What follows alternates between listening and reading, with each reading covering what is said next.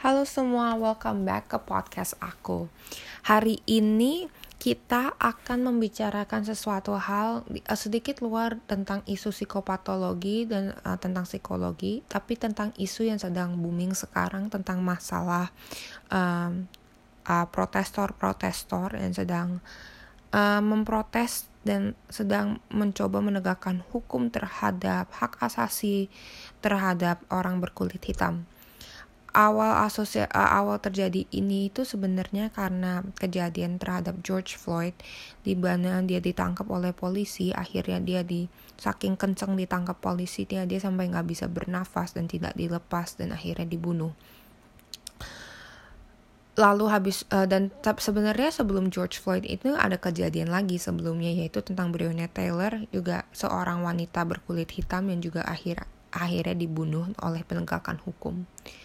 Dan sebelumnya itu ada kasus bernama Ahmad Flory yang terjadi pada bulan Februari tapi akhirnya booming bulan March dan April ini di mana dia tuh sedang berjalan biasa, lalu dia dikejar oleh dua laki-laki dan ini bukan dua laki-laki dari penegakan hukum, tapi dua laki-laki warga biasa dan akhirnya dia ditembak mati di dada dia berkali-kali. Rasisme itu sesuatu hal yang sudah sangat-sangat mendalam di dalam berbagai institusi dan instansi dunia, di dalam politik, sistem pendidikan, sistem sosioekonomik, sistem kesehatan itu sangat mendalam. Dan kenapa sih hal ini sekarang akhirnya protestor-protestor ini kok kok persisten banget, kok kenapa peduli banget tentang hak asis, hak asasi tentang kulit hitam ya seperti aja lah. Ini banyak selama 150 tahun lebih orang-orang yang berketurunan Afrika di Amerika atau bahkan kalau kamu kulitnya hitam atau bahkan kamu sebagai imigran aja sudah mengalami diskriminasi secara bertahun-tahun. Ya kita aku tak aku mengerti uh, semua kehidupan itu penting, tapi kita juga harus lihat konteks sejarah apa yang orang-orang ini African American telah mengalami selama lebih dari ratusan tahun.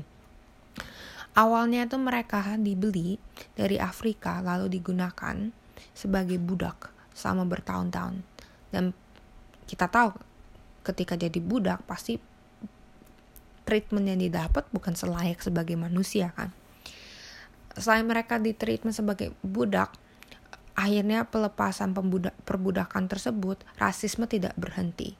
Tetap aja dis, um, diskriminasi terhadap orang kulit hitam. Contoh, orang kulit hitam itu tidak boleh berenang di dalam satu kolam yang sama dengan orang kulit putih. Tidak boleh menggunakan uh, fasilitas umum yang sama. Bahkan ada dulu ada kasus-kasus pembunuhan ketika anak ini cuma ingin berenang emang ini suatu peristiwa yang sangat-sangat menyedihkan. Tapi ini kita kalau kalian penasaran ada dokumenter di Amazon. Tapi harus Amazon Prime members kalau mau gratis tentang Black Lives. Jadi kalau kalian ter tertarik. Setelah itu ada gerakan dengan Martin Luther King. Terus habis itu juga uh, pergerakan Black Power terhadap hak asasi untuk dapat menggunakan fasilitas-fasilitas yang sama dan juga dianggap sebagai manusia yang rata.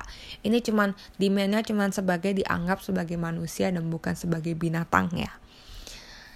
Dan kita mungkin dulu kita pikir oke okay, kita kan udah menggunakan fasilitas yang sama dan dan apa kenapa nih isu kenapa masih dibilangin kok, kok rasisme udah nggak ada kok Justru rasisme sekarang itu malah lebih mendalam dan lebih ibaratnya tertutup, lebih berbahaya. Contoh, walaupun se lebih tidak se secara, secara terus terang seperti yang kita lihat dulu, it masih terjadi di dalam instansi-instansi. Contoh pada tahun kalau nggak salah 1940 atau 1950 ada peraturan secara implisit yang sebenarnya dasarannya itu untuk mensegregasi perumahan antara orang berkulit hitam dan orang kulit putih. Dan disengajakan lokasi-lokasi orang uh, perumahan orang-orang kulit hitam itu lokasi-lokasi yang miskin yang dekat uh, pabrik-pabrik beracun jadi banyak sekali dalam kasus-kasus perkembangan anak sebagai sesuatu seseorang yang yang sangat passionate about perkembangan anak mempengaruhi development test developmentnya perkembangan anak tersebut. dan kita bisa lihat berarti rasisme itu tidak tidak cuman juga mempengaruhi generasi-generasi generasi yang lain. Bayangkan sebagai orang tua anak-anaknya di, diracunin secara sengaja, kita kan juga sakit hati dan kita nggak mau terus-terus kayak begini kan. Perger, peng, bergerakan proteste ini sangat-sangat penting karena ini adalah sesuatu hal yang sudah terpendam selama bertahun-tahun cuman sekarang aja jadi tambah booming dan orang berani menyatakan karena dulu orang takut karena apa aku nggak rasis ton tapi lebih penting kita introspeksi. Karena sebenarnya kita semua itu punya pasti ada secara implisit rasisme terhadap ras-ras tertentu dan aku juga bersalah dulu juga punya prejudis dan stereotip-stereotip ini terhadap orang-orang berkulit hitam sebagai kasar, uh, agresif, uh, biasanya menggalang narkoba, miskin dan segala macam Padahal kan itu tidak tertentu. Ternyata banyak sekali konteks secara eksternal yang mempengaruhi situasi mereka. Contoh kenapa orang kulit hitam itu contoh lebih masih di Amerika terutama masih lebih miskin. Karena walaupun sekarang mereka punya pendapatan sama, aset mereka secara wealth itu presentasenya itu sangat-sangat jatuh. Mereka tuh masih 8% dari wealth-nya orang kulit putih. Karena itu karena sama masa perbudakan yang skala berskala, berskala panjang terus diskriminasi mereka tidak punya akses yang sama untuk mendapatkan pekerjaan. Bahkan untuk mereka mempunyai satu rumah pun itu suatu mujizat. Karena banyak sekali juga agen-agen zaman dulu nggak tahu ya kalau sekarang kayak gimana ya yang sengaja tidak membiarkan mereka tidak membeli rumah tersebut. Atau banyak sekali kasus-kasus bank uh, menaikkan harga jadi lebih mahal. Dan itu kan suatu hal yang sangat-sangat menyedihkan. Kalau lebih mahal rumah perumahan yang lebih jelek kalau di sini rumah lokasi perumahan kita itu mempengaruhi sistem pendidikan yang kita terima dari pemerintah. Jadi semakin miskin, jadi berarti kan semakin sedikit kan pajak yang kita memberikan terhadap instansi instansi instansi tersebut, maka pendidikan yang diperoleh akan semakin kurang. Uh, ya kualitasnya menurun. Dan menurut uh, aku nih suatu hal yang sangat-sangat disheartening apalagi kan kita sebagai manusia kan apa sih hak kita, pembenaran kita untuk bisa mentreat orang lain berbeda, mendiskriminasi. Emang who are we to be better, you know? Like like we are all created equal. We are all created as human beings in the image kalau kita want in a Christian perspective itu kan image of God kan. Dan kita nih dan kita itu harusnya saling mencintai sesama kita. No Jew or no Gentile. We love one another. We love our neighbors, regardless of their race, regardless of their socioeconomic, regardless of we love all people. Jadi untuk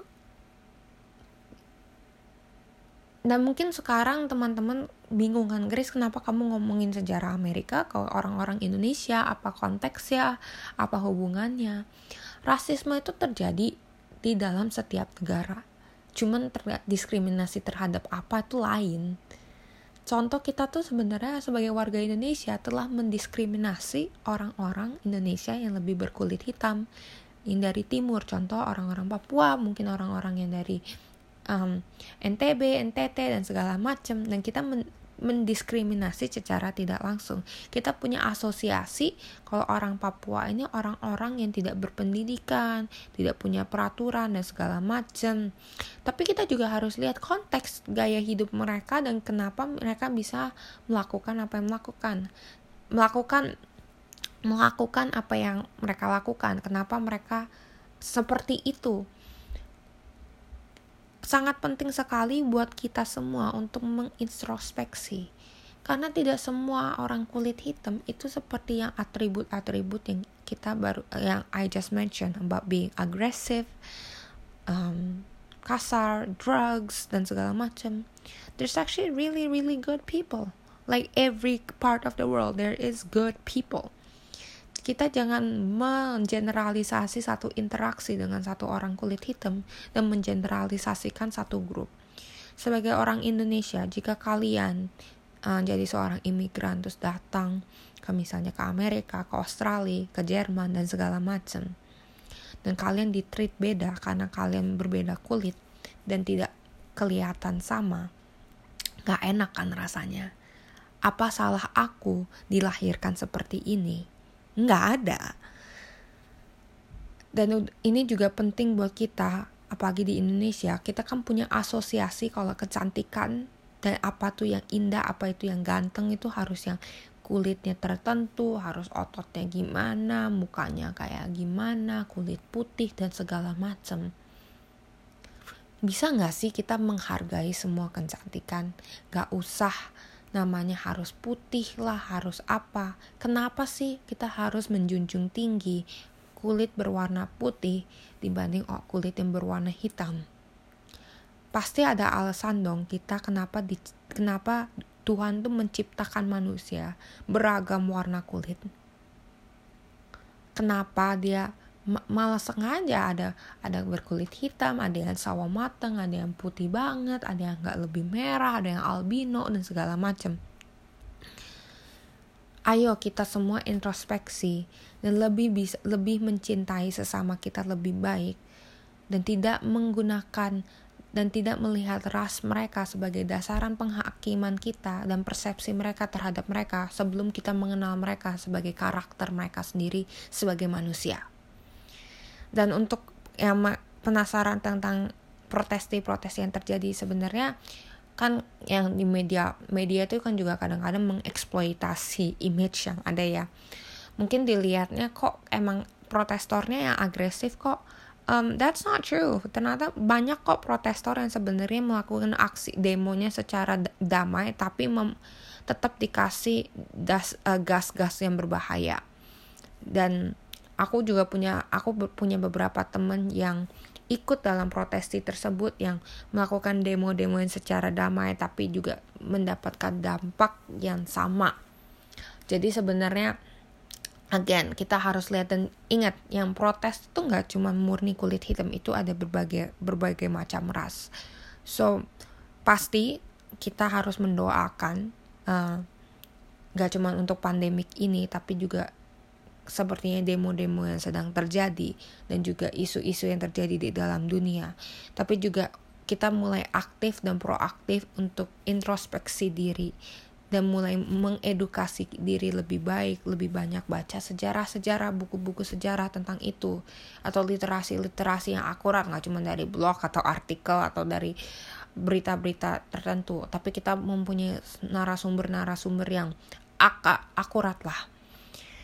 Jadi thank you so much untuk kalian udah sabar sama podcast aku dan aku mau minta maaf banget karena uh, mungkin kalian ada yang kok Grace kok topiknya gini tapi aku benar-benar mau mengikuti hati dan apa yang sedang aku gumukan di dalam hati aku sendiri dan kenapa ini adalah satu topik yang sangat-sangat dekat. Untuk kalian yang lebih konteks, uh, sebenarnya orang Asia juga mengalami uh, rasisme di uh, Amerika dan negara-negara Barat. Terutama di Amerika sih. Aku nggak nggak bisa mengambil informasi atau mengeneralisasikan ke dalam negara-negara lainnya. Tapi karena sejak uh, pandemik ini berasal dari Cina, stereotip orang Asia itu semua orang Asia itu orang Cina. Dan kita tahu sebagai orang Asia tidak semua orang Asia itu orang Cina. Jadi kita ada karena ada stereotip tersebut um, orang Asia juga banyak sekali. Kita walaupun tidak sampai di dibunuh dan segala macam tapi uh, perilaku kita cara jadi dijauhkan ketika kita lagi belanja di supermarket dan segala macam jadi kita juga sebagai orang juga merasakan rasisme maupun tidak secara akut seperti orang kulit hitam sangat penting untuk kita saling mensupport minoritas dan saling men mensupport uh, untuk menegakkan hukum yang menegakkan hukum dan keadilan yang ada. Thank you so much semua dan mendengarkan. Untuk next episode di podcast berikutnya, aku akan membicarakan tentang depression, uh, depresi, dan ini kayaknya topik yang sangat-sangat hot juga. Jadi untuk kalian yang penasaran dengan topik itu, uh, tunggu hari Sabtu, Kamis US time dan hari Jumat uh, Indonesian time. Um, ya, yeah, I hope that everyone having a wonderful day, having wonderful weekend, and thank you. Bye.